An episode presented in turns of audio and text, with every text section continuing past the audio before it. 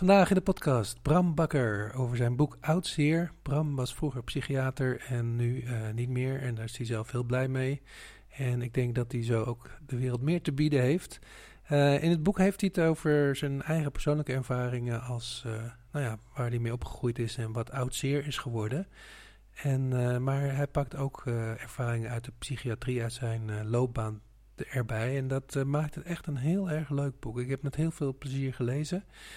En het lijkt me ook heel leuk om Bram aan de tand te voelen.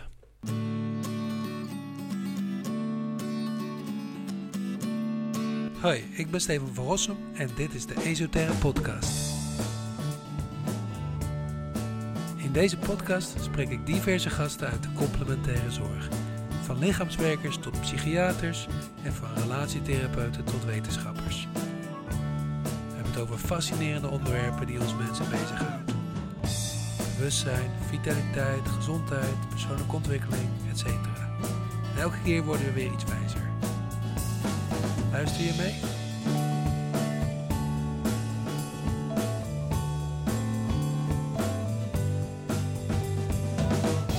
Bram, ontzettend bedankt dat je er bent. Ik heb je boek echt met veel plezier gelezen. Uh, ik ken jou vanuit de media al veel langer. Toen vond ik je... Dan ken je me niet. Nee, je leek me ook niet zo interessant. nee. Totdat ik je eigenlijk zag bij uh, VI en... Uh, toen dacht ik van wauw, wat, wat mooi dat je eigenlijk met een kwetsbaar verhaal durft te komen bij een doelgroep die, nou ja, hè, die daar misschien toch uh, wat, wat minder makkelijk mee omgaat. Nou, dus, er zit veel oud zeer aan tafel hoor, bij, ja. bij VI. ja, dat is waar. Ja, dat is waar. um, en daar gaat je boek ook over oud zeer. En uh, ja, er staan gewoon hele leuke, interessante dingen in. En um, wat, het eerste waar ik het over wil hebben eigenlijk is, um, je hebt het over bijvoorbeeld, uh, nou ja, wat, wat leuk is uit, uh, uit jouw vakgebied, want jij komt uit de psychiatrie. En ik weet niet zo goed hoe ik het moet benoemen, maar je hebt zeg maar positief en negatief. En het komt erop neer dat je kan zeg maar, nou ja, je kan echt fysiek geslagen worden. Hè? Dat kan natuurlijk, een, dat levert een trauma op. Maar je kan ook getraumatiseerd worden door dingen die er ontbreken. Een warme band, een, een dit en een dat. Ja, je duikt echt gelijk het diepe in. Ja. Um, maar ik ga je dan ook wel gelijk een beetje corrigeren. Um, kijk, ik, ik, ik stoor me enorm aan de, de, de, hyperinflatie van het gebruik van het woord trauma. En dat wat je als kind niet hebt ervaren, wat er niet was, dat moeten we vooral geen trauma noemen. Want trauma is een overval, een verkrachting. Mm -hmm. Uh, mishandeling. Mm -hmm. Dus iedereen weet wel ongeveer wat, wat echt trauma is. Ja. En, en, ja. en, en, tegenwoordig als je hond doodgaat is dat ook al een trauma. Ja. Daar moeten we niet heen. Waar, waar, waar het wel over gaat in dat boek ook, is dat het, het niet opgegroeid zijn in een warme omgeving waarin je kind kon zijn, waar je je niet hoeft te bekommeren om dingen die niet van jou zijn als kind, waar je niet voor je ouders hoeft te zorgen. Nou, die, die, die, die, die hele, uh, dat hele scenario, dat krijgt veel te weinig aandacht. En wat we er ondertussen van weten, is dat de impact daarvan in het latere leven waarschijnlijk, zeer zeker, groter is dan de impact van traumatische ervaringen. Dus het, het gaat om het niet-traumatische, wat een mega grote impact heeft. Nou, dat, dat is oudzeer. Ik ben met je eens, maar uh, ik vind ook dat daar een ander woord voor moet zijn. Ja. Maar is dat er? Nee, maar kijk, uh, toen Bessel van der Kolk zomergast was, en, en Bessel van der Kolk, daar, daar moeten wij allemaal, uh, moeten we allemaal dankbaar voor zijn dat die, dat die bestaat en dat hij heeft gedaan wat hij gedaan heeft. aan, het, aan het begin van die uitzending ehm, zei hij, een van de problemen waar we tegenaan lopen is dat, is dat het niet in de DSM staat, affectieve verwaarlozing. En hij zei ook nog iets over dat hij, dat hij daar had, voor had gelobbyd. Maar in, in, in, op de Bavianenrots van de psychiatrie is Bessel van der Kolk niet zo heel erg hoog. Dus uh, hij, hij, is in de wereld van belang, maar in, in, in de pikorde van het breindenken uh, stond hij nooit zo hoog. Nee. Um, en, en, en de interviewster liet dat lopen. Want de betekenis van het niet hebben van, van een diagnose op het, op het terrein van neglect, van verwaarlozing van dat wat er niet was, betekent dat er, dat er geen aandacht voor is. En dat is sowieso natuurlijk een probleem. Iets wat er niet is, dat laat zich nauwelijks onderzoeken. Ja, ja, ja, ja. Want ik, ik, ik, weet amper iets van jou, maar ik weet zeker dat jij hier eh, dat, dat, er in jouw leven dingen zijn geweest die er beter wel hadden kunnen zijn toen je jong was. En ik denk dat dat voor, voor de overgrote meerderheid van de volwassenen geldt. Dat ze Ja. op een dag ervaren dat, dat er iets niet lukt of dat iets wat er niet was, dat dat ze hindert. Maar ja, hoe kwantificeer je dat? Hoe doe je een prospectieve wetenschappelijke studie naar de impact van iets wat er niet was? Eh, het is geen diagnose. De- de- er zijn geen vragenlijsten voor. Nou, het wordt heel lastig. Ja, ja, En daardoor blijft het liggen. En, en omdat het is blijven liggen. En ik, ik daar nu een boek over heb geschreven met, met, met een pakkende titel. Krijgt, krijgt het nu een beetje aandacht. Maar we zijn nog maar net begonnen. Ja, nee, precies. Ja, ik blijf nu zitten met de vraag, hoe kwantificeer je dat? Ik denk als je een taart bakt en je stopt er geen zout in, dat je dat ook kan proeven. Dus iets wat er niet is, kan je ook wel meten. Ja, maar hoeveel zout is nodig? Kijk, dus als je weet dat zout in een taart toch wel van belang is, dan, dan, dan kan je gaan bedenken hoe je zorgt voor voldoende zout. Ja, Maar he- heel veel mensen hebben geen flauw idee dat, dat er zout ma- mankeert aan hun gerecht. ja Eh, precies. dus- Ja, Oké, dan zijn we nog... Nou goed, dat snap ik. Ja. Ik, ben, ik ben er... Ja, het, het, het, het geknuffeld worden, ja, het klinkt allemaal verschrikkelijk soft, maar het geknuffeld worden, dat is, dat, dat is het zout in de pap. Ja, ja. En, en er is natuurlijk nooit iemand die bij de GGZ aanbelt, die als vraag krijgt, is er geknuffeld? Want dat, dat, dat, dat zit niet in de diagnostiek. Hoeveel bent u geknuffeld? Ja, en de, en de, en de, en de knuffelvragenlijst die bestaat ook niet. En omdat er geen diagnose is, kan je er geen onderzoek naar doen. Want als het geen diagnose is, wordt het niet in een wetenschappelijk tijdschrift gepubliceerd. Dus het, het is echt heel lastig. Even een hele grote sprong is, is, is bijvoorbeeld seks- en pornoverslaving. Een heel groot probleem in deze wereld. Heel veel mannen eh, zijn goed in seks en porno, maar zijn niet goed in liefdevolle intimiteit en, Mhm. en, en verbinding maken. Maar de diagnose staat niet in de DSM. Dus wat gebeurt er? Het, het, is niet, het wordt niet onderzocht. Het wordt niet volgens principes behandeld. Want eh, er is geen onderzoek wat je kan sluiten bij een wetenschappelijk tijdschrift. Want het wetenschappelijk tijdschrift zegt... ja, de mensen jouw onderzoek die moeten voldoen aan de DSM-criteria van... Er zijn geen DSM-criteria. Ja, precies. En, en misschien helpt het ook niet mee dat er dan ook geen eh, farmaceutische interesse voor is. Maar misschien dat jij meer vanuit de psychiatrie eh, werkt met DSM. En in mijn werk als lichaamsgericht therapeut, zeg maar, hebben we dat niet nodig. En komen mensen gewoon met waar ze last van hebben. En wat ik merk, en dan vond ik dit le- leuk om te lezen, is dat... Kijk, ik heb zelf, ik ben geadopteerd, dus ik, ik weet altijd van... Nou, hè, dat is mijn trauma en daar ben ik de rest van mijn leven mee zoet. Ja, maar, maar wacht even. Dat, dat je geadopteerd bent, heeft, heeft een mega grote impact op je. Mhm. Maar waar- waarom is het nou een trauma? Nou, het is een trauma. Jeetje. Ehm, het trauma is.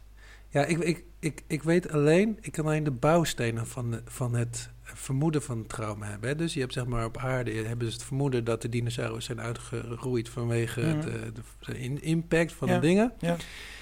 Ik zie in mijn hele leven dat ik iets heb meegemaakt wat mij nou, gedissocieerd heeft gemaakt. Mhm. Wat moeite heeft met verbindingen Mhm, maken. Wat het eng vindt om eh, aanwezig te zijn. Wat super kritisch is. Altijd bang dat hij het fout doet. En die eh, zelf eh, weinig waarde eh, toedicht zichzelf. Dus nou, het is een interessante vraag. Want ik heb eigenlijk... maar, maar dat, bedoel, ik, ik, heb, ik heb geen verstand van adoptie. Maar dit is toch allemaal dat wat er niet was? Een veilig, embedded, warm, betrokken. Dat. En, en natuurlijk het moment dat, dat je als kind wordt, wordt, gedumpt, even heel plat. Natuurlijk kan je zeggen dat heeft traumatische impact. Maar Misha Blok, de journaliste die net een eh, zoektocht heeft ondernomen naar haar biologische ouders, eh, kwam tot, tot, tot de enorm troostende ontdekking dat haar Koreaanse moeder, dat die wel onvoorwaardelijk van haar heeft gehouden. En, en, en, en wat er goed is gegaan in haar leven, en er is heel veel echt goed gegaan, koppelt zij toch ook aan, ja, toen ik een kindje was, is ze wel onvoorwaardelijk van me gehouden. En haar vader, haar vader bracht haar naar het kinderthuis van waaruit werd. Is, is het niet eigenlijk productiever om te denken in termen van: heb je gekregen wat je had willen hebben? En dan, en dan zonder in dader- en slachtofferterm, want dat, dat, dat hangt ook aan trauma. Je bent al snel een slachtoffer als je een trauma hebt meegemaakt. Maar daarbij weg te blijven en te zeggen: ja, dat, dat jonge ventje die heeft, heeft heel veel niet gekregen. En je hebt nergens recht op in, in dit leven. Zo verreed, zo is de natuur. Maar om, om het een beetje fijn te hebben, is het wel fijn dat, dat die eerste jaren een beetje onbekommerd verlopen. En, en, en daar, nou ja, daar, daar, dat heeft een enorme impact als dat niet goed is gegaan. Maar willen we dat nou trauma noemen? Nou ja, ik weet geen ander woord. Nee, en dat, dat is dus het probleem. Dus, dus, Nou ja, maar goed, maar waar ik, waar ik naartoe wil is het volgende. maar kunnen we dan niet zeggen dat je veel oud zeer hebt? Nou ja, laten we dat als term gaan gebruiken. Oudzeer. Nou ja, ik, een van de grootste daar complimenten... wil ik er één woord van maken. Nou ja, Oudzeer. Ja, nou ja, een van de grootste complimenten die ik kreeg eh, van, van een professional op LinkedIn over dat boek. En ze zei, die, die werkt in een kleine zorginstelling. En zei, we hebben nu met z'n allen hier besloten om het niet meer te hebben over kindtrauma, maar over oud zeer. Hmm. En oud zeer is, is, het is ook zachter. Weet je, Ja, het, ja, het gaat ook over zachtheid. Nou, ik vind het wel mooi. Daar heb ik eigenlijk niet over nagedacht. Nou waar, ik naartoe wil is het volgende. Ik, ik, ik, eh, ik, kom dus, ik kwam voor mijn praktijk heel veel mensen tegen die inderdaad geen... Ik, ik dacht dat, nou ja, mij is duidelijk, schokkend. Hè, iedereen vindt het ook heftig. Jij misschien iets minder, maar iedereen reageert er altijd goed op. Hè? Dat is een trauma. Check. Adoptie. Maar ik kwam heel veel mensen tegen die eigenlijk niet konden terughalen wat er nou gebeurt, wat er nou mis was. Ik kan nog een cliënt herinneren die, die juist alle vrijheid in, van zijn hippie-ouders had gekregen. En die met zijn zeven jaar zat hij op tienertour ergens eh 200 Ja. kilometer van huis. Ja, dus niet liefdevol begrensd. Nee, precies. Hij, hij, is ook oud zeer. ja, nou precies. Ja. En, en die mensen, kom ik heel veel tegen, die, die, die zeggen: Ik ben gelukkig opgevoed, mijn ouders hielden van me, ik kreeg alles, dit en dat. Maar toch, hè, ze zitten ergens mee. Ze hebben inderdaad oud zeer. Nee, het is, eh, we, moeten maar ophouden zo over dat trauma. Maar dit, het is ook een soort van oneerlijk. Dat, dat, we leven zo'n in check-the-boxes cultuur. Hè? Zeker in die, in die reguliere GGZ. Is, eh, de vinkjes worden gezet. En dan, dan heb je je label. En dan heb je, heb je entree tot, tot, tot, de verzekerde zorg. En, en los van de voordelen die dat biedt. Het, het, het is niet fair omdat mensen die enorm kunnen lijden onder dingen van vroeger, maar niet, niet de juiste vinkjes hebben, die wordt eigenlijk zorg ontzegd. Dus kijk, eh, ik, ik, ik zeg altijd met, een- met een dikke knipoog, mijn, mijn diagnose betonrot. Dus het zit gewoon in, in mijn fundament zitten een paar echt hele rottige plekken. Dus als ik, als ik probeer eh, op een van die rotte plekken eh, om, om daar iets op te zetten, dan dat zakt er doorheen. Relaties met vrouwen, dat, dat is echt. mijn, mijn betonrot zit, zit daar. Ja, ja. ja.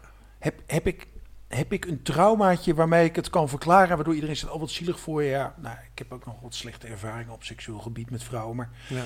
dat is niet het probleem. Ik denk, als ik heel eerlijk ben, dat die slechte ervaringen met die vrouwen, eh, dat die voorafgegaan werden door iets waardoor ik me niet goed te weer heb kunnen stellen. Dus ik wil het eigenlijk niet trauma noemen. Ik wil het eigenlijk, en, en dan kom ik bij mijn grote held Foudrenne. Ik, ik wil de mens begrijpen als, als een logisch te begrijpen product van zijn levensgeschiedenis. Dus jij, jij bent Jij bent volstrekt verklaarbaar als ik voldoende mijn best doe vanuit jouw historie. Mhm, mhm. Waarom hebben we daar het woord trauma bij nodig? Nee, ja, oké. Ik, ik zal het niet meer gebruiken, Bram. Nou ja, kijk, eh, ik, ik, ik, ik, ik, het is leuk als iemand meeluistert en wat dan heeft. Maar ik ben ook al heel blij als, als ik jou nog op een nieuwe gedachte kan brengen waar je wat aan hebt. En het heeft mij heel veel gebracht. Want eh, ik, ik, ik ben de laatste man op aarde die het eh, zichzelf toe zou staan om te spreken over trauma's. Terwijl het was niet echt een hele lekkere jeugd die ik heb gehad. Nee, nee, nee. nee. Maar goed, even, even los van hoe we het dan noemen. Hè. Je wordt gevormd door ervaringen. En inderdaad, ehm, daar, daar, daar, daar heb je de rest van je leven heb je nog eh, profijt van, zeg maar, tussen aanhalingstekens. Daar kan je wat mee. Daar ligt eigenlijk mijn interesse van, hè, hoe, werk, hoe werken we mensen, hoe leven, hoe opereren, hoe doe jij het, hoe doe ik het. Ja. Ehm, en eh, ja, goed om te horen, oudseer vind ik een heel goed idee om, om, om inderdaad een onderscheid te maken tussen eh, nou, gewoon de, de opvoeding waarin, eh, waarin misschien dingen nog iets meer aanwezig hadden kunnen zijn. Je hebt het net al over vinkjes. Hè? Je hebt ook in het boek over de zeven vinkjes van, uh, van uh, hoe heet je meneer? Luijendijk. Ja, dankjewel. Uh, jij voegde één vinkje aan toe. Ik ja. dacht nog van eigenlijk, hè, hij bekijkt het vanuit succes op de maatschappelijke ladder niveau. Um, je zou misschien ook best wel een heel boek kunnen schrijven over zeven vinkjes die nodig zijn om een plezierig leven te leiden. Heb je, heb je daar een idee over? Wat zouden fundamenten zijn waarop je uh, minder getormenteerd wordt, bent of minder oudseer of geen oudseer hebt. Kijk, wat, wat, wat, wat, nog, wat mij betreft een hele belangrijke relativering is, is dat al die ellendige dingen van vroeger, die wel of niet gebeurd zijn, um, die vormen je, maar niet alleen maar in negatieve zin. Dus het feit dat jij hier met mijn podcast zit op te nemen waar een paar luisteraars iets aan beleven, komt indirect wel voort uit jouw eigen geschiedenis. Want mhm. jij bent vanuit die geschiedenis het werk gaan doen wat je doet. En daarom wil je met mij dit gesprek voeren. Dus er zit ook, er zit ook een kracht in. Mm dus het is, het is Nietzsche. What doesn't kill you makes you stronger. Mhm. en, en dat moeten we nooit vergeten. We moeten altijd ons realiseren. Kijk, als, als, als jij niet een, een gevoelig, fijn besnaard beestje was in de kern, dan was je niet waar je nu bent. En dat, dat, dat gaat veel verder terug, want de biologie uh, in de stamboom boven jou, die zit in jou en die, die, krijgt, die krijgt een vorm en een gedaante op geleide van de dingen die gebeuren. Dat is nooit per definitie alleen maar negatief. Dat, wie jij bent, um, ja, dat, daar zit heel veel goeds aan. Ja, nee, en, en dat mogen we nooit vergeten. En waar, waar, waar je dan natuurlijk je hebt het als vertrekpunt over complementaire zorg. Waar je, waar je dan in belandt is een veld wat, wat veel meer ook naar de krachten van mensen kijkt. En naar de mogelijkheid om mensen nog meer in hun kracht te zetten. Dan alleen maar naar de negatieve gebeurtenissen of, of, of, of de irrationele overtuiging. Of nou ja, noem de hele rimram maar op waar die GGZ omheen geconstrueerd is. Mijn stelling is dat ze per definitie de helft laten liggen. Want de helft is wat je allemaal wel kan. Ja, of wat je ermee kan. Ja, nou ja, en daarom, dat is een, een van de argumenten achter. Het is niet alleen dat het medisch model niet goed is, maar we moeten echt naar een ander model. We moeten, we moeten in balanstermen gaan denken. Ja. Want je kan klachten verminderen, maar je kan ook krachten vergroten. dus hoe beter jij vanuit, vanuit je binnenwereld door het leven beweegt, hoe makkelijker het leven voor je wordt. Heeft niks met je geschiedenis te maken. Heeft gewoon te maken met het werkt als je je gevoel een beetje als vertrekpunt neemt. Nou, dat kunnen we echt allemaal steeds slechter. Ja.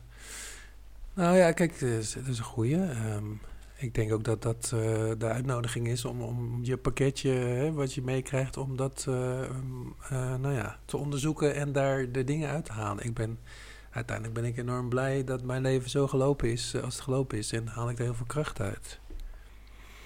Um, maar jij, jij, ziet waarschijnlijk in je werk veel mensen uh, die, die dan het, het, labeltje solk of alkheid dat tegenwoordig hebben, dus de onverklaarbare lichamelijke klachten. En waar het al eigenlijk gelijk misgaat in de zorg, is dat ze zeggen, nou, dat, dat moet weg. Dus alles is erop gericht om die klacht te verhelpen. Wat je, wat je altijd laat liggen, en als, als ik zo'n klacht heb, ik heb zo'n klacht gehad, uh, dan natuurlijk wil je ervan af. Maar wat altijd blijft liggen is de vraag: wat wil die klacht jou vertellen? Wat, wat heeft die klacht in zich als boodschap?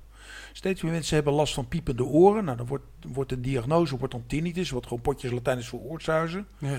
Maar waarom zuizen je oren? Ja. Dit is toch een ongelooflijk belangrijke vraag.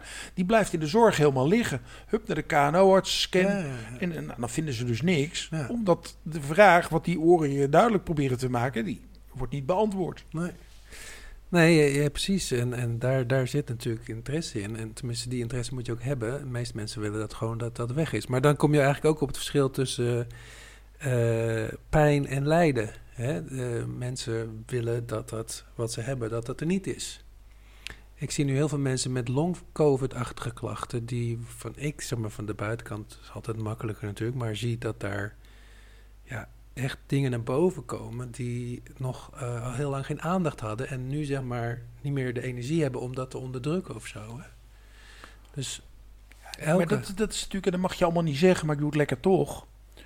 Dat, dat is het cadeau wat ook long-covid kan betekenen. Ja. Maar dat betekent dat je bereid moet zijn om het, om het uit te pakken en in volle omvang te beschouwen. En dan zijn die klachten natuurlijk hartstikke hinderlijk. Daar wil ik helemaal niks aan afdoen. Dan gaan, dan gaan mensen voor de trein vanwege een piep in hun oren. Dus Ja. onderschat niet de klacht. Maar de betekenis, het blijft liggen man. Het is allemaal helemaal platgeslagen Ja, in procedures en protocollen. En het, het, het er doorheen kijken. En ja, ik, heb dat ook moeten leren. want Ik ben ook gewoon een ervaringsdeskundige. Mijn cerebellum begaf het. En de dokters konden niks vinden. En het enige wat me verder heeft geholpen in die end was dat ik mezelf de vraag durfde te stellen: wat, wat heeft mijn cerebellum me te melden? Hmm. En het antwoord durf je ook te binnen te krijgen. Ja, dat denk ik, ja. Oh, ja het is interessant, want het cerebellum gaat, eh, dat gaat over evenwicht. Dus ik viel letterlijk om de hele tijd. En ik had dus geen, ik was totaal uit balans. Dus, dus het was letterlijk, de metafoor, die kon ik letterlijk nemen. Waarom heb ik geen balans? Ja. Nou, dat was, was heel eenvoudig. Zoals mensen een burn-out krijgen of tinnitus, zo kreeg ik het, ik het aan mijn cerebellum, want er was geen balans. Ja. Dus de boodschap was heel eenvoudig. Waarom ben je zo uit balans? Nou, Ja. dat was, was natuurlijk een klassiekertje. Eh, te, veel, te veel in het hoofd, te weinig in het lijf. Te veel inspanning, te weinig ontspanning. Nee, je, je kan het allemaal uittekenen. Maar ik denk, eh, we hebben het over complementaire zorg inderdaad. Hè? De wereld draait, die wereld draait op het feit dat mensen die vraag, eh, die van de buitenkant dat het heel vri- of vrij makkelijk lijkt, niet bij zichzelf kunnen vinden. Of, of het antwoord niet. Nee, maar wij moeten hier opnieuw de grote filosoof Johan Cruijff citeren. Die, die eh, het zei in relatie tot, tot voetbal, maar ik, ik trek het breder. Cruijff zei, simpel voetbal is het moeilijkst. Ja. En, en ik denk dat eigenlijk dat je kan zeggen, simpel leven is het moeilijkst.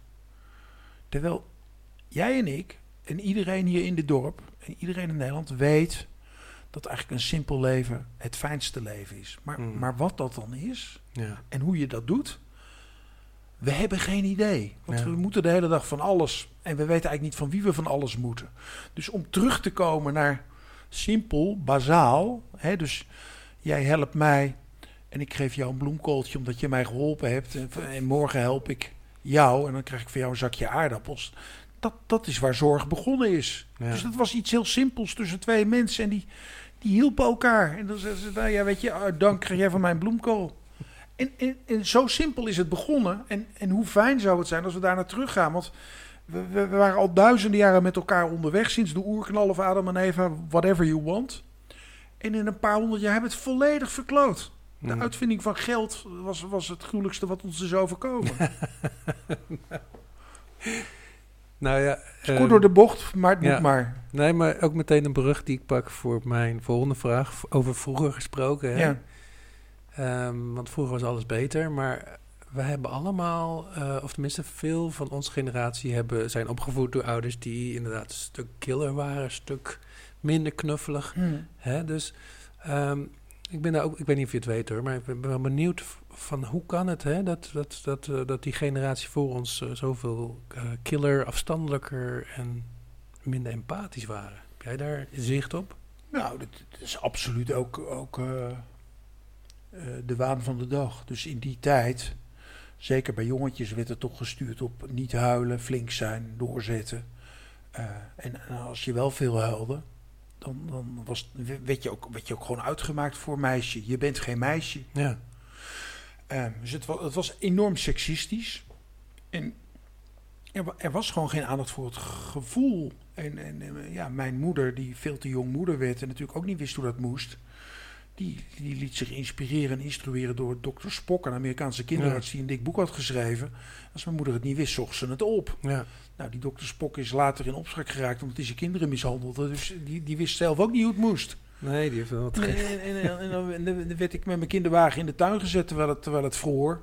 Want dokter Spock zei dat het goed was voor de longetjes. Ja, En dan stond ik daar te schreeuwen en dan eh, ja, gewoon laten huilen. Dat is goed, is goed voor het goed kindje. voor de longen. Ja. Ja.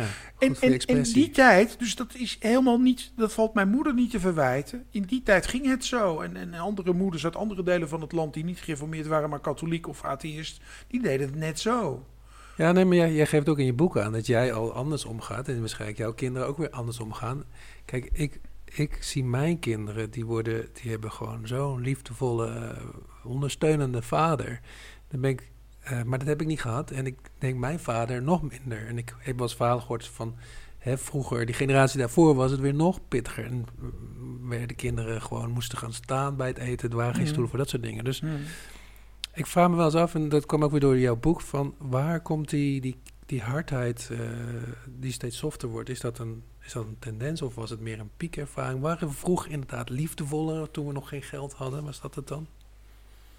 Nou ja, er zijn golfbewegingen. En eh, ik, ik, ik, denk, ik denk dat er een generatie is die, die nu ergens om en nabij de 30 is waar het, eh, waar het best goed mee is gegaan. Maar het volgende probleem dient zich al aan. En dat, dat is dat Ja, ouders en kinderen zich geen tijd meer gunnen om zich te verhouden tot hun gevoel. Omdat apparaten eh, de aandacht wegzuigen. En als je op een apparaat bent, dan ben je niet in je gevoel. Dus de enorme toename van, van emotionele problemen, mentale dingen bij jongeren, die volgt wel op, op een ontwikkeling in, in, in, in hoe we leven. Die, die, die voor ons gevoelsleven echt dodelijk slecht is. En dan kun je dus iedere week, wat nu ongeveer gebeurt, een artikel publiceren over hoeveel jongeren een psychische stoornis hebben. Ik geloof dat het nu 50% is. Maar dit is natuurlijk totale onzin, want je bent het te begrijpen product van je omstandigheden. Dus we moeten als de gezwinde wie de weer gaan met elkaar afspreken dat we het gebruik van mobiele telefoons beperken tot twee uur per dag. Ik noem maar wat. Ja. En dat, dat die dan uitgaat. Want technologisch is dat te doen. ja, Als je twee uur op je telefoon hebt gezeten, dan gaat die uit. ja, Nou, dat gaat de kwaliteit van leven van die jonge mensen enorm verbeteren. ja, ja, ja, ja, dat klopt. Want Ja. ze, ze stoppen nooit meer. Nee. En dat komt omdat ze verslaafd zijn, die apparaten. En dat komt omdat er commerciële bedrijven zijn die hun zakken daarmee vullen. Ja, je hebt gelijk. Er is een, eh, een probleem eh, aan de horizon inderdaad op dit gebied. Ja. Nou ja, en het, het- het- kijk, het, het- en, en dat, dat is het zieke. En ik, ik, ik, ik ben alles behalve een filosoof, maar kijk, kijk denk met, met, met, met, met, met, met mijn oude lullenverstand naar ontwikkelingen. En dan zie ik dat, dat het in mijn vak verkeerd ging, omdat er een drijvende kracht was, financieel gestuurd, die heet de farmaceutische industrie. Die is uiteindelijk bepalend geweest voor, voor waar we nu zijn. Maar waar we nu zijn in 2021 is een drijvende kracht, genaamd eh, Apple, Google eh, en die clubs. Ja. En die, die geven vorm aan ons leven. En leven doe je niet aan de hand van een product. Leven is simpel, als het goed is. Ja. Dus we raken steeds, we worden steeds verleid om bij onszelf vandaan te gaan. Door mensen met belangen. Ja. En Ja. iedereen zegt de oorlog in Oekraïne is verschrikkelijk. Maar er zijn in de wereld heel veel mensen die zijn blij om met die oorlog. Worden er lekker geweren verkocht, Leopard tanks. Nou, binnenkort de vliegtuigen. Mhm. Echt, de, de, de- die industrie, die, die gaat als een tierenlier met dank aan Poetin. nee, maar serieus, zo- ziek is het. Maar wat is de link daar met, de, met de oorlog? Nou, dat, dat, dat er dus drijvende krachten zijn die we misschien nog op een bepaalde manier wel waarnemen. Nee, we nemen ze eigenlijk niet waar. Dus we zeggen alleen maar de oorlog is verschrikkelijk. Ja. En dat is ook zo. Maar als je kijkt doen. wat de oorlog in stand houdt. Pak, pak die shootings in Amerika. Ja, Hoe ja. kan het dat eerst Obama en nu weer Biden echt zeggen... wij willen niet dat jonge mensen... weet je, een gastje van zes die iemand doodschiet vorige Ja, week. Dat, ja. dat is toch te gruwelijk voor woorden. Hoe, in wat voor wereld leven wij... dat een zesjarige met een geweer over straat kan lopen? Waar, waar waren wij dan met z'n allen... Dat, dat die situatie zich heeft voor kunnen doen. Ja. Nou, is een, is een belanghebbende partij die extreem machtig is. Een miljardenindustrie, de wapenindustrie. En die kleurt ons leven. En in het simpele leven heb je geen geweer nodig. Nee, nee, nee, ik snap je. Maar ik, zit zelf nog even met inderdaad hè, de farmaceutische industrie. Die, die, die in mijn kringen wordt die wel gezien als de bad guy. Hè? En af en toe is het wel goed. Maar ik heb eigenlijk nooit zo stilgestaan bij de, de nieuwe industrie. De, ja, de social media industrie. Die, die net zo eh, eh, ver- verwoestend is inderdaad. Ik zat toevallig laatst eh, voor het eerst op Instagram. En ik zag... Nou ja, ik kreeg... de ene avond kreeg ik allemaal... hoe heet dat? Van die, van die pastries. eh, lekker prachtige, lekkere gemaakte dingen. En de volgende dag kwamen weer allemaal ronde vrouwenvormen voorbij. En, maar voor ik het wist, was, eh, was ik twee uur verder inderdaad. Je blijft, het, kan, het is heel verslavend. Je kan heel snel eh, een hele avond kwijt zijn. Ja, en je wordt aangestuurd op je interesse. Dus ik, ik, ik, ik, zocht een keer iets voor mijn racefiets of zo. En, Hmm. en, en, en, en de weken daarna werd ik, werd ik bedolven op alle sociale media met aanbiedingen voor, voor zadels, sportdrankjes, achterwielen. Nou, echt, dat je, dat je echt denkt, waar, waar ben ik beland? Ja. En we, we hebben hele verhalen over privacy. We hebben helemaal geen privacy, man. Hou op, ze weten alles van je. Ja, ja. Je- Want je vinkt overal al een keer aan dat je het goed vindt. En hebben we cookies-politiek. Maar je denkt toch niet dat, dat wel of geen cookies accepteren... dat dat het verschil maakt. We, we, zijn, we zijn niet meer... We hebben niet meer de regie op ons eigen leven. En dat komt omdat ons bewustzijn... dat, dat relateren we aan de hersenschors... maar dat, dat, dat, dat stuurt ons... Ja. Hoe we ons voelen wordt niet gestuurd vanuit onze hersenschors. Hoe we ons voelen, dat is van binnen. Ja. En daar heeft Apple niks mee te maken. En, en de firma Prozac ook niet trouwens. Dus die binnenwereld, die, die moet ons leiden. En als jij goed kan voelen, dan weet je wat goed is voor jou. En dan kan je daarnaar handelen. En dan weet je goed wat goed is voor je kinderen. En dan ga je terug naar best wel simpel. Want je hoeft dan niks te kopen. Je hoeft dan alleen maar goed te voelen. ja. Nou, daar, ja, dit, is, een e- enorme strijd die gaande is van de mensheid die gelooft dat, dat producten en kapitalisme een onbeperkte toekomst hebben. Terwijl we weten natuurlijk al dat, dat, dat eh, ambtenaren die van 9 tot 5 werken en verder niks doen, dat die, dat die een aanmerkelijk rijker emotioneel leven hadden. Dan, dan die gekken die ochtends om 6 uur beginnen en s'avonds om 11 uur ophouden. Oké, je pleit voor een simpel leven. Enorm, ja, enorm. En ik ben er heel slecht in, hè. Dus het is, het is Ja, ja, ook ja. allemaal weer loodgieter, lekkende kraan. Ik pleit ervoor omdat het, dat mij, omdat het mij ook niet lukt. Even terug naar Oudzeer. Ehm volgens mij heb jij ook ervaren... Ik bedoel, ik, ik ben al best wel mijn hele leven met mezelf bezig in eh, therapie en cursussen, dit Mhm. en boeken lezen en zo.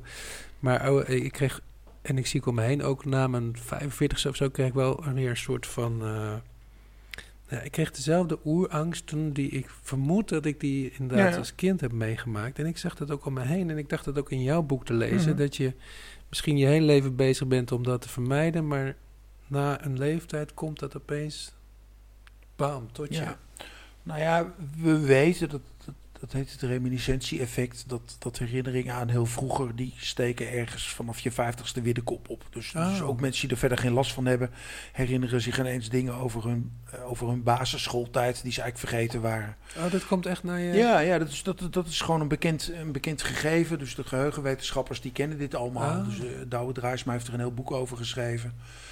Ehm, on- ons, ons geheugen, en dat is wel een belangrijk punt, ons, ons geheugen ehm, heeft, heeft, heeft, heeft, heeft een, maar zeer beperkte mate van autonomie. Dus als ik jou vraag om even terug te denken aan de tweede klas van de middelbare school, dan kan je heel erg gaan graven.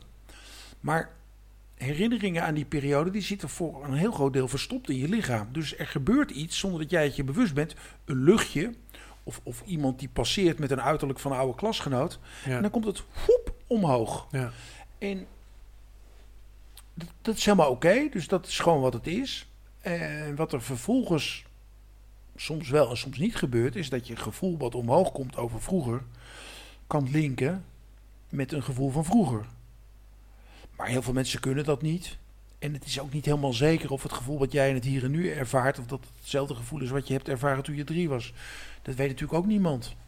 Maar dat, dat ons, ons gevoelsleven, onze herinneringen, dat die, dat die veel gecompliceerder in elkaar steken dan ja, de hippocampus eh, zet, zet de herinneringen weg in de hersenschors en dan kan je ze weer terugvinden. En als je veel stress hebt, dan hapert je hippocampus. Dus dan krijg je gaten in je geheugen en, en onwillekeurige eh, flashbacks. Dat is wat er eh, gebeurt bij mensen met PTSS. Mhm, mhm. Dat, dat is neurobiologie van de hersenschors, van, Ja, ja. van het brein. Maar het is veel ingewikkelder. En dan zijn we weer terug bij Van de Kolk, die er alsmaar aandacht voor is blijven vragen. En eh hoera voor hem, dat, dat er in ons lichaam van alles gebeurt, wat, wat qua impact en omvang, denk ik, veel groter is Ja, dan we ons realiseren. ja, ja. Maar ja, om een nieuwe telefoon te kopen heb je geen gevoel nodig. Je moet goed nadenken of het een aanbieding is wat je aanspreekt. Maar hoe, hoe heb je het zelf dan ervaren? Nou, komt nog, komt nog wel één belangrijk ding bij. En daar, daar, daar zit ook wel echt een kritiek die ik heb op, op, op de reguliere zorg. ehm, wij werden getraind in professionele distantie. Dus Hmm. een houding waarbij je jezelf eh erbuiten laat. Mhm. Eh, en, en dan moest je in je leertherapie had je overdracht, de tegenoverdracht. Nou, op alle mogelijke manieren werd ons aangeleerd om er als persoon buiten te blijven. En een, een heel belangrijk punt is, ook, ook al werkt dat goed, al werkt dat voor jou goed of voor mij goed, er is nooit een onderzoek gedaan wat heeft aangetoond dat deze benadering de eh, meest kansrijke is. Of dat die beter is dan maximaal persoonlijk betrokken zijn. Ja, ja, ja. Dus ik, ik heb ontdekt dat, dat alles wat, wat, ik- wat, wat, wat ik voel en waarneem bij mijn gesprekspartner, ehm, dat, dat doet heel veel met mij. Maar dat was taboe, want ik moest professionele distantie betrachten. Ja, ja. Maar als ik een gevoel wat jij bij mij laat binnenkomen, als dat bij mij resoneert als hé, hey, die, die jongen was ook eenzaam toen hij jong was. En, en ik kan dat aan jou teruggeven als, volgens mij ben jij ook lid van de Club van de Dodende Zielen. ik krijg een heel ander gesprek. Ja, ja, ja. En, en, en waarom mag dat nou niet? ja. is toch heel eigenaardig? ja. ja. En ik, ik val jou, als jij mijn klant bent, niet lastig met mijn misère. Maar weet je hoe lekker het is als je met iemand een existentieel probleem bespreekt, dat die, dat die ander zegt: Ja, dat, dat herken ik. Ja. Of ja, daar ben ik ook geweest. ja, ja, en op heel plat niveau, jij gaat scheiden. Je zegt, ja, ik, ik heb een ruime ervaring in scheiden. Het is echt, het is echt kloten. Heb je toch een ander gesprek? ja, dan heb je meteen een band. Ja, en, en ik denk dus dat zorg terug moet naar de menselijke maat. En dat, dat klinkt allemaal heel politiek correct, de menselijke maat. Maar kijk eens hoe we er niet in slagen. Worden mensen kapot gemaakt in een toeslagenaffaire? Ik heb Ja. er verder ook geen verstand van. Nee. Maar één ding is duidelijk. De menselijke maat is volledig zoek. Ja, nee, zeker, zeker. En, eh, maar aan de andere kant ook, eh, ehm, ook weer net als met ziekte, hè, dan komt die schade weer naar boven. En eh, nou ja, ik denk dat nogmaals die complementaire zorg misschien juist daar wel het antwoord op is, omdat ze vanuit persoonlijk contact werkt. Ja, maar kijk... Kijk, wij leren meer vanuit de Rogeriaanse vaardigheden bijvoorbeeld. Hè, empathisch, Mhm. authentiek en respect voor, voor wie er tegenover je zit. Mhm. Maar als, als jij slecht in je vel zit, heb je dan, heb je dan een hersenziekte? Weet je, is, is het medisch model nodig om iemand te helpen die zegt: Ja, ik voel, ik voel me niet goed? En mensen die zich niet goed voelen, die grijpen niet naar hun hoofd. Hè? Ik bedoel, je grijpt naar je hoofd als je het niet weet. Mhm. Oh, dat ben ik vergeten. maar voor de rest, alles gebeurt in ons lijf. Ja. Ik, ik voel het aan mijn water. Het loopt me dun door de broek. Wat heb je op je lever? Ja, ja. Mijn hart sloeg over, mijn adem stokte. Alles gebeurt in het lichaam als het over gevoel gaat. ja. En, en dan hebben wij het terugge- teruggebracht naar medische aandoeningen. Er is, er is geen complementaire zorg voor gebroken benen, omdat het model van het gebroken been, daar past de medische benadering perfect. Dus wat wil jij als je je been breekt? Je wil gewoon een bekwame chirurg of orthopeed die je been repareert. Het interesseert je helemaal niet of het een hark is, of, of, of, of- dat hij zijn vrouw slaat, of, of zijn man. Dat zijn, ook, zijn ook vrouwen die dat doen. Interesseert je allemaal niks. Je wil gewoon dat je been gefixt wordt. Dat is het medisch model in optima forma. Ja. Meer is er niet nodig. Nee. Het maakt ook niet eens uit of je een mannetje van 23 of een vrouwtje van 87 bent die de heup heeft gebroken. De heup moet gefixt. ja. Maar in het leven, in, in ons gevoelsleven, zit zelfs om dat gebroken heupje, zit enorm veel verhaal en context en weet ik veel. En daar, daar hebben we geen medisch model voor nodig. Dat, dat, dat is humanistiek, antropologie, weet ik hoe we het gaan noemen, sociologie. Het is alles behalve medisch. Maar jij komt uit die, uit de medische wereld. Je bent er volgens mij ook uitgestapt. Ja, waarom denk je? De- de- Nee, ik heb een idee. Nou ja, dit is Maar- de, de cursus oogkleppen heb ik gevolgd. Ik wil dat jij er weer terug in gaat. Nee, natuurlijk niet. Fix it from, from inside out. Ja, maar kijk, een, een, een van mijn pijnpunten, dat, dat zal ik met je delen. Ehm, ik, ik moest eruit omdat iedereen, eh, ik, eh, het zwiebertje effect, zeg maar, daar heb je hem weer. Dat, Hmm. dat werkt niet. Dus ik, ik Nee. zat vast in die rol en die rol paste mij niet. Dus ik was, ik was een grimmig, boos ventje. Hmm. Eh, en en die, ik kon die rol best goed. Maar ja, Joop Doderer was een acteur die ook wel eens iets anders wilde spelen dan Zwiebertje.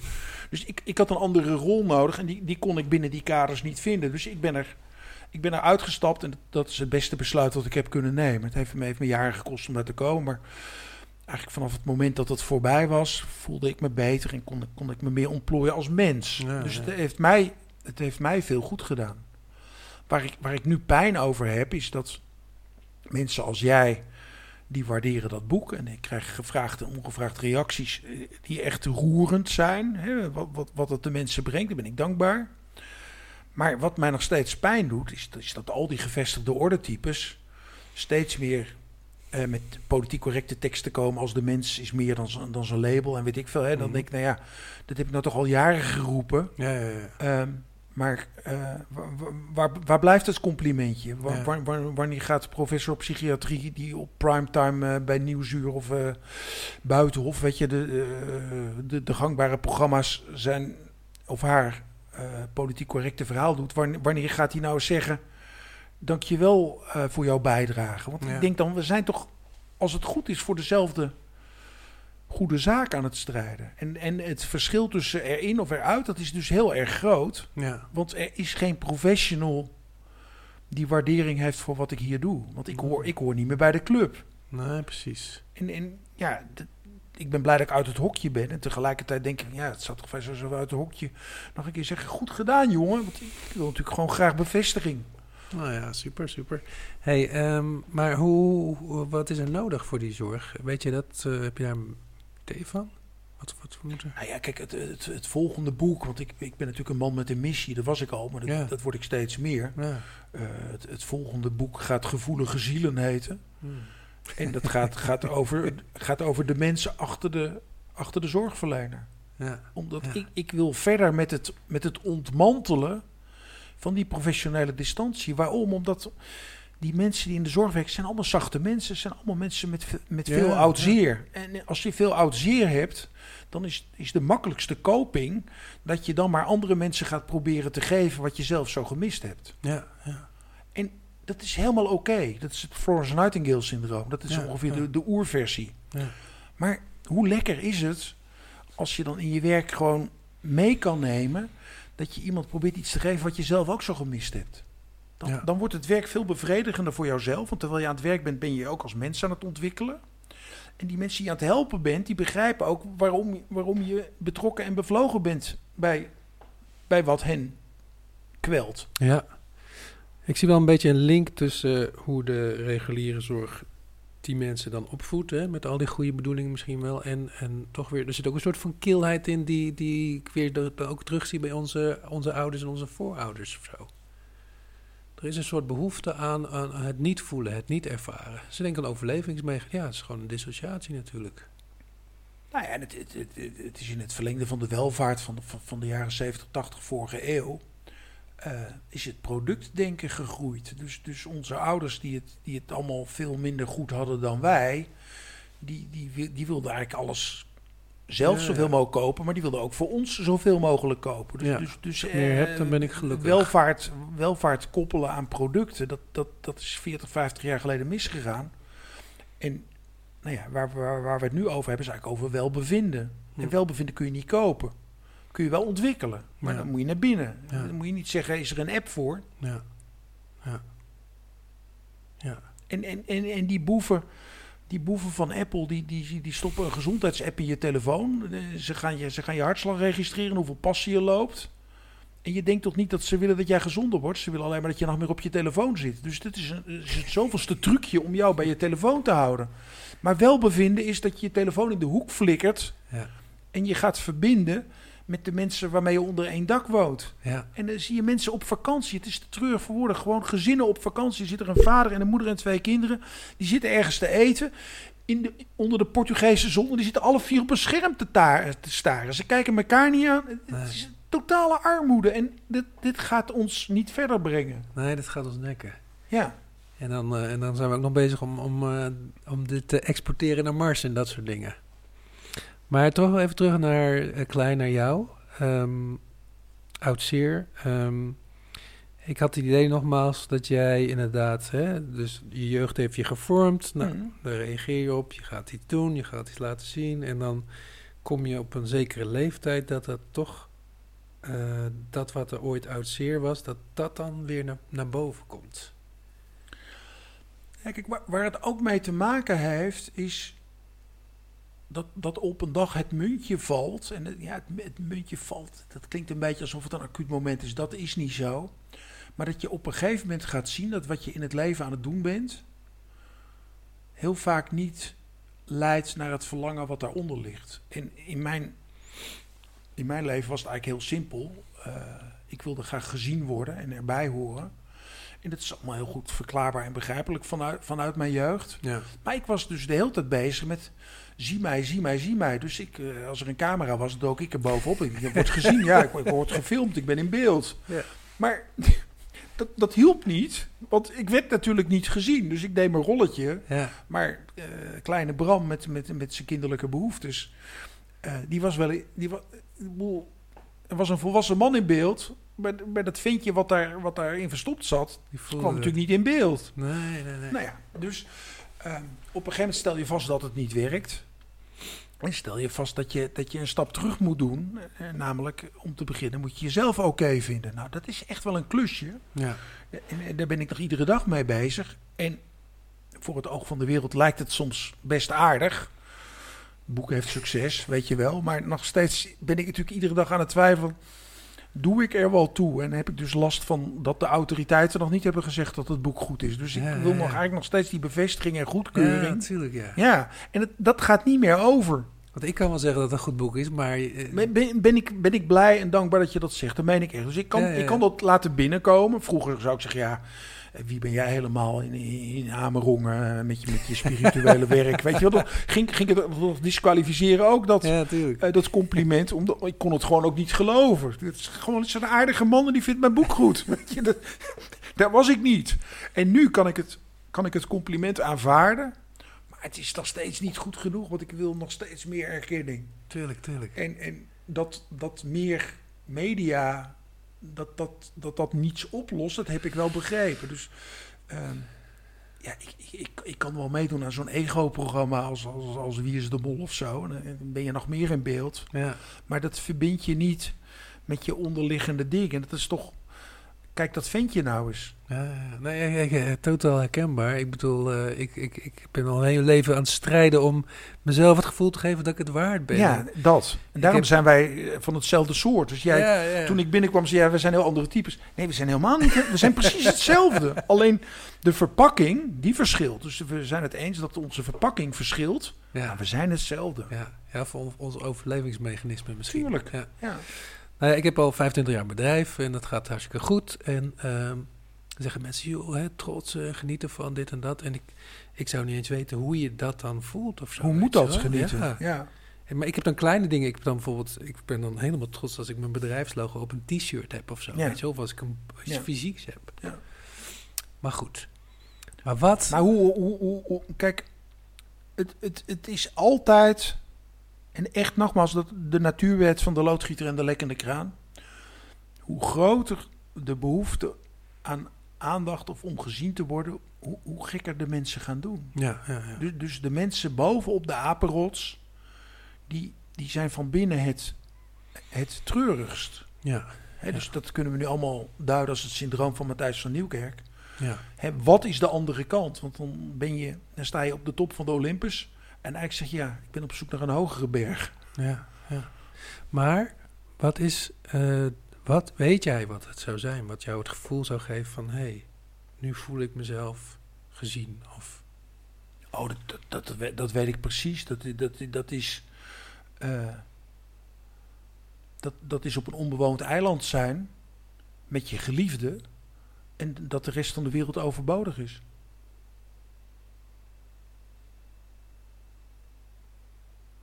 Ga dat maar eens regelen. dan voel jij je gezien? Ik snap hem niet. Nee, nee, maar dan, dan, dan dat dan alles goed is. Dat dat, dat genoeg is. Ja, en en hè, dat je dus ook je telefoon niet meer nodig hebt. En, eh, Ja, ja, dat, dat je gewoon daar bent met iemand waar je helemaal verbonden mee bent. Waardoor ook de behoefte aan de rest van de wereld. Nou ja, je kin- kinderen moeten er eigenlijk ook mee, maar goed. Eh, nee, je maar wacht even. Dat je, dat je in een liefdesrelatie bent met iemand waar je zo verbonden mee bent. dat, dat, dat, dat de rest bijzaak is. Dan ben je nog wel met buiten. Nou ja, goed, je hebt over verbinding, hè? Je bent met dingen dan buiten. Je hebt een eiland nodig en een partner. En misschien dan Nee, ik heb geen eiland nodig. Ehm, Onbewoond eiland. Ik, ik, ik, nou, en ik heb het niet meer nodig om het op Instagram te zetten, het plaatje. nee, Dus nee, oké. maar het, gaat, het, gaat, het gaat over de, over de ontkoppeling. Over dat je, dat, je, dat je gaat naar iets tijdloos. En dat onbewoonde eiland, dat is alle tijden hetzelfde. Dus het is eigenlijk een beetje een metafoor. Dus je bent niet meer in 2023. Je bent, je bent ergens waar de tijd bij wijze van spreken stilstaat. En dat dat kan en dat dat mag, omdat jouw behoeftes niet groter en breder en dieper zijn dan dat moment met, met, jouw geliefde. Ja, nee, ik snap hem. Eh, en mijn vervolgvraag is, als ik dan het woord verbinding hoor, wat in jou, waar zou je je in jezelf mee eh, kunnen verbinden om dat gevoel te ervaren? Nou, kijk, de, meeste mensen slaan de verbinding met zichzelf over. Dus die zijn heel erg druk bezig om zich te verbinden met anderen. Ik ook hoor. Eh, maar ik denk dat het cruciaal is dat je eerst met jezelf verbindt. En als dat een beetje lukt, dan kan je uitreiken naar een ander. En dit is de metafoor van het vliegtuig dat neerstort in het zuurstofmasker. Wij weten allebei dat we eerst ons eigen kapje op moeten zetten. Maar je zit met je kind in dat vliegtuig, het vliegtuig stort neer en je gaat 100% eerst je kind het kapje opduwen. Je denkt, die van mij komt later wel. En daar, en daar gaat het mis. Als je echt met jezelf verbonden bent, dan weet je dat het echt van belang is dat je eerst dat zuurstofkapje op je eigen gezicht zet. Omdat als je goed voor jezelf hebt gezorgd, dan kun je goed voor anderen zorgen. En daar, daar komen we weer terug bij die zorgprofessional. Die zorgprofessional die heeft niet begrepen dat, dat het eigen zuurstofkapje, dat dat aan alles vooraf gaat. Die slaat het over. Ja, ja ik, ik, merk, ik vraag het aan jou, hè? omdat ik eh, denk, als jij het, als jij het eh, antwoord vindt, dan, eh, dan, dan kan ik daar ook wat van leren. Nee, maar het antwoord is in ons. Dus jij, Nou kan ja, het antwoord, jij kan het antwoord vinden in jezelf en ik ook. En, en, en hopelijk vinden we het, omdat we daarna ook andere mensen meer te bieden hebben. Ja. Maar als je steeds jezelf overslaat, dat is weer die professionele distantie, dan kom je dus niet, kom je niet in de hulpverlenersgedaante dat je iets te geven hebt wat niet verwijst naar je eigen tekort. En dan kom je natuurlijk bij de echt grote geest in deze wereld. Nelson Mandela vind ik, vind ik, eh, voor mijzelf is dat nog steeds de meest inspirerende figuur, want die, die, die gaf de hele tijd maar iets, Ja, maar, zonder dat er een behoefte van hem invoelbaar was. ja. Wacht even voordat ik hem kwijt ben. Hè? Eh, dat is waarschijnlijk al te laat.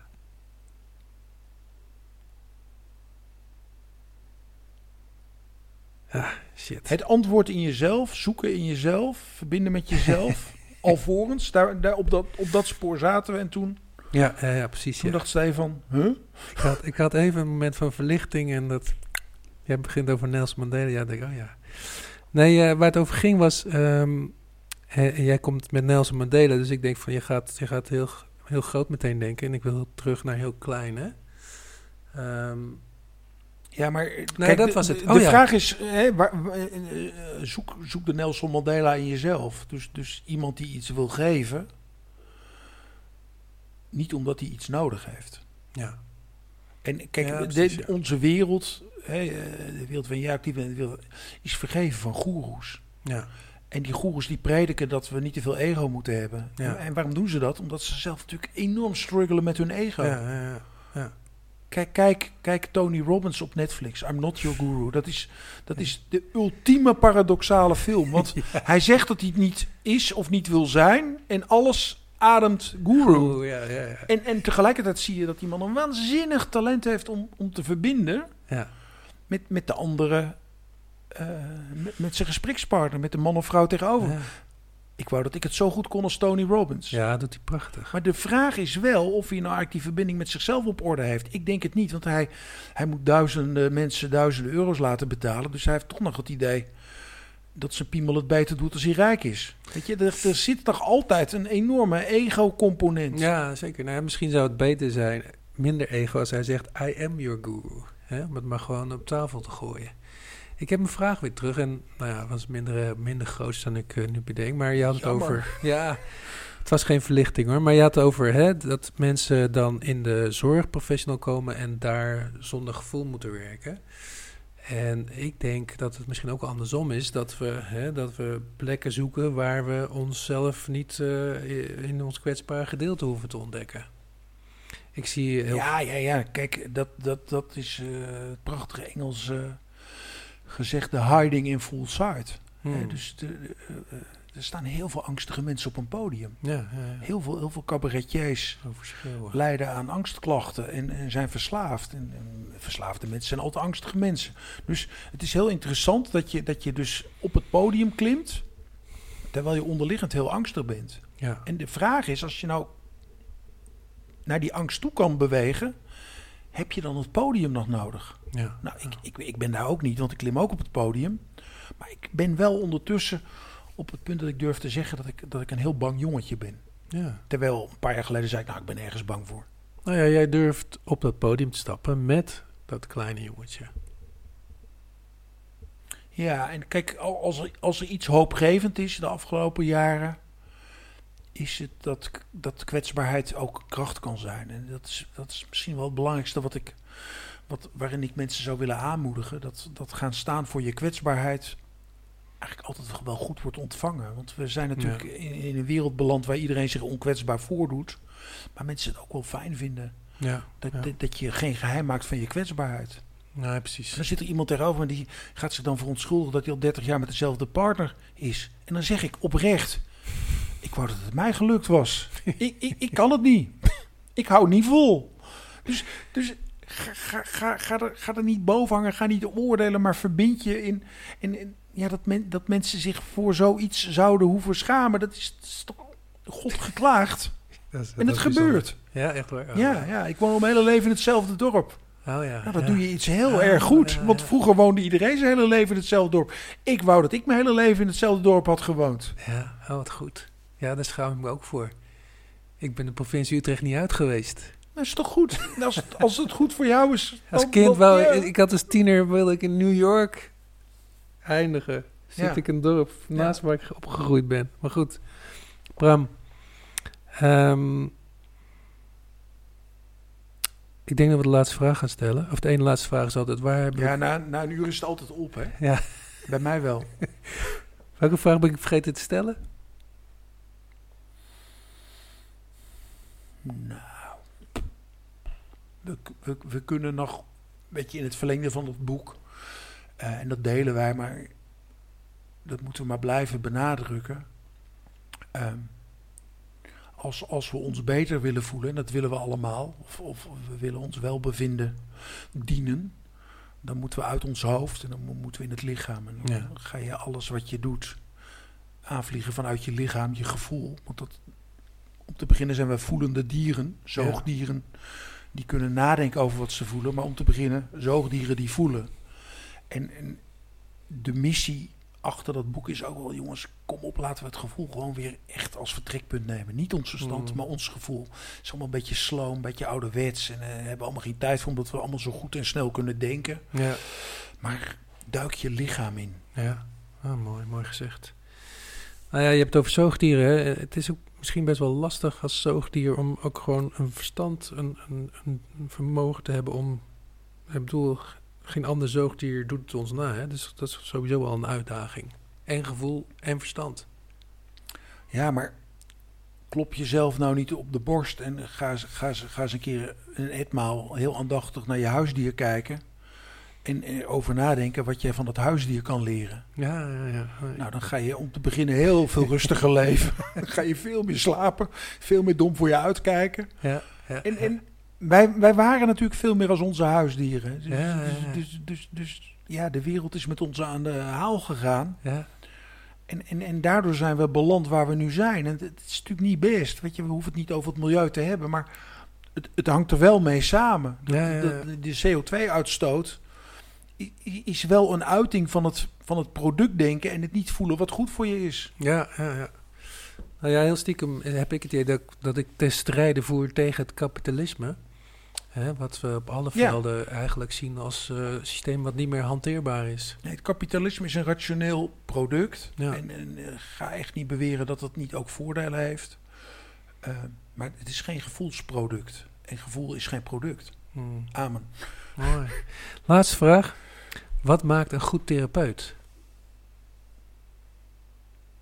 Nou ja, ik, ik- kijk, uiteindelijk eh, een goede therapeut is, is, is, net zoiets als een goede rode wijn. eh, lang laten liggen. Eh, kijk, het, het mooie aan ouder worden is, is, is je levenservaring. Dus, dus wat, wat maakt een goede therapeut? Iemand, iemand die, die snel patronen herkent, die, kan, die, die, die snapt van, oh, daar zit het. En jij bent nog je vraag aan het formuleren. En ik weet het al, maar dat vereist dat je open staat. Dat, dat, dat, je, dat je lichaamstaal kan lezen. Dat je, dat je verbindt met, met de binnenwereld tegenover je. Hmm. Nou, dat vereist. Nu, nu ga ik mezelf herhalen, daarom is het goed dat de laatste vraag is. dat vereist dat je eigen binnenwereld schoon is. Ja. En dat, dat zie je dan die Tony Robbins wel weer doen. Hij zorgt actief dat hij helemaal leeg is. Ja. Want dan, dan, dan kan hij een goede therapeut zijn. En als ik hier vanochtend binnenstap na een gruwelijke ruzie met mijn 23ste echtgenote, dan Mhm. gaat het niet veel worden vandaag. Nee, nee, nee, nee. Oké. Mooi. Dankjewel. Ja, ook bedankt voor het platform. Deze podcast is gemaakt door interviews Stefan van Rossum, redactie Esme Donker en Maurice de Gruiter. Muziek is van Stefan Alexander. Heb je interessante gasten of onderwerpen? Laat het ons weten. Vind je de podcast leuk? Vertel het aan andere mensen. En volg ons op Soundcloud, Spotify of iTunes. Bedankt voor het luisteren en tot de volgende keer.